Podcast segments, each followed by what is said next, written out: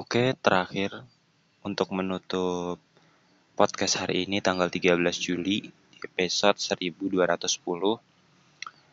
aku mau tutup dengan nggak ada yang kita sesali dalam hidup ini. Sering ya, banyak dari kita yang menyesali atas keputusan-keputusan atau semua yang pernah terjadi dalam hidup kita. Setelah kita tahu efeknya. Contoh misalkan uh, kita habis diputus sama orang lain. Rasa sakitnya sakit banget. Untuk move on aja susah.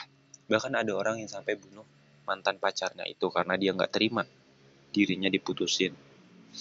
Ya kenapa? Sebenarnya dirinya sendiri yang toksik kok. Mau dilanjut bagaimanapun tetap orang juga ilfil, malas buat berhubungan sama dia. Tapi dia yang nggak terima, dia takut mengakui dirinya salah dan gak mau berubah. Akhirnya udah salah malah ngebunuh orang lain itu sesuatu yang keji menurutku. Jadi balik lagi ke awal, nggak ada yang harus kita sesali dalam hidup ini. Kalau kita putus ya udah terima dengan baik-baik. Barangkali kita memang ada salah. Salahnya apa itu ditulis. Kira-kira solusinya apa supaya ini salah yang membuat hubungan kita putus. Maka kalau aku menjalin hubungan sama orang lain, kesalahan ini nggak boleh ada supaya hubungan tetap terjaga gitu. Untuk menemukan sosok yang tepat ya itu nggak mudah dalam hubungan. Kayak kamu mungkin harus sakit hati berkali-kali dibutusin ditolak sehingga akhirnya nemuin sosok yang tepat. Itu nggak mudah. Atau kita beralih ke masalah lain deh tentang hidup kita nggak bisa milih mau lahir di keluarga apa, keluarga seperti apa, kaya atau miskin, hidup di negara yang mana. Ya kan? Negara-negara miskin di Afrika, mereka nggak bisa milih untuk lahir di negara tersebut. Anak-anak yang lahir di negara maju, mereka juga nggak milih tuh lahir di situ.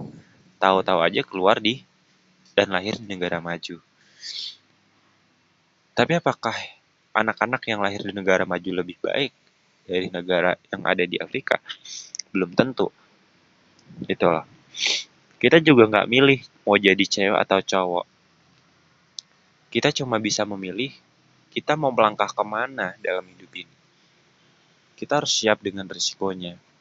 Harus siap dengan masalah yang ada ketika mengambil suatu pilihan dalam hidup.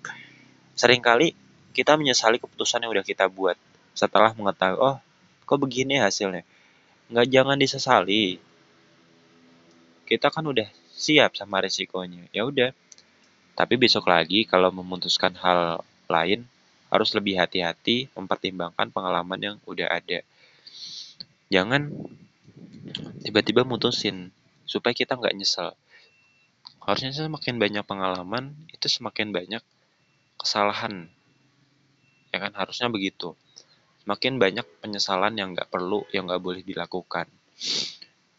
Jadi ya udah, waktu yang udah terbuang, orang-orang yang udah pergi, kesempatan yang terbuang dan sebagainya, aku pikir udahlah, ikhlasin aja.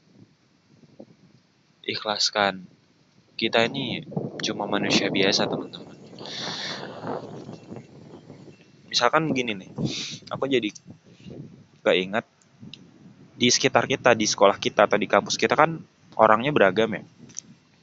Kita anggaplah yang hebat lah. Orang kok dia bisa ya aktif di organisasi, bisa jadi ketua organisasi, tapi IPK-nya bisa 4. Terus dia punya pacar yang cantik. Wah, keren banget ya. Terus dia anaknya humble meskipun kita tahu dia kaya raya. Kelihatan hebat ya, amazing ya kita selalu banding-bandingkan diri dengan dia. Tapi sebenarnya apa sih yang bisa kita ambil? Gini, banyak orang seperti itu di sekitar kita. Tapi apakah kita perlu iri? Gak perlu. Kita gak pernah tahu latar belakang dia sebenarnya kayak gimana. Bisa jadi itu cuma topeng untuk menutupi kegagalannya dia di masa lalu. Dia akhirnya berubah dan sampai sekarang terlihat baik, tapi sebenarnya dia masih punya dendam sama seseorang dan sebagainya.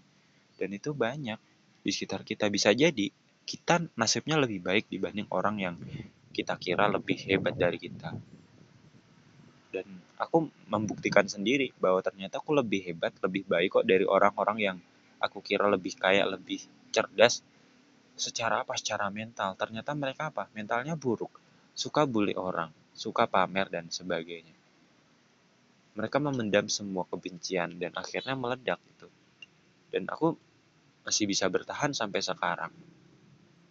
Jadi apa ya berhenti membanding-bandingkan diri kita dengan orang lain atau dengan apa pun karena setiap orang tuh punya takarannya masing-masing punya waktu dan ukurannya masing-masing. Kita nggak boleh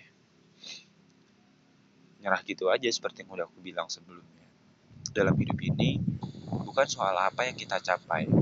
Mau kita jadi dokter presiden atau cuma jadi petani itu nggak penting. Yang lebih penting adalah bagaimana kita bersyukur atas profesi tersebut dan menikmatinya sampai maut menjemput.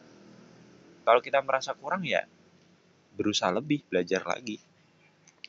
Belajar hal baru. Ada harga ada perjuangan yang harus kita bayar untuk meraih sesuatu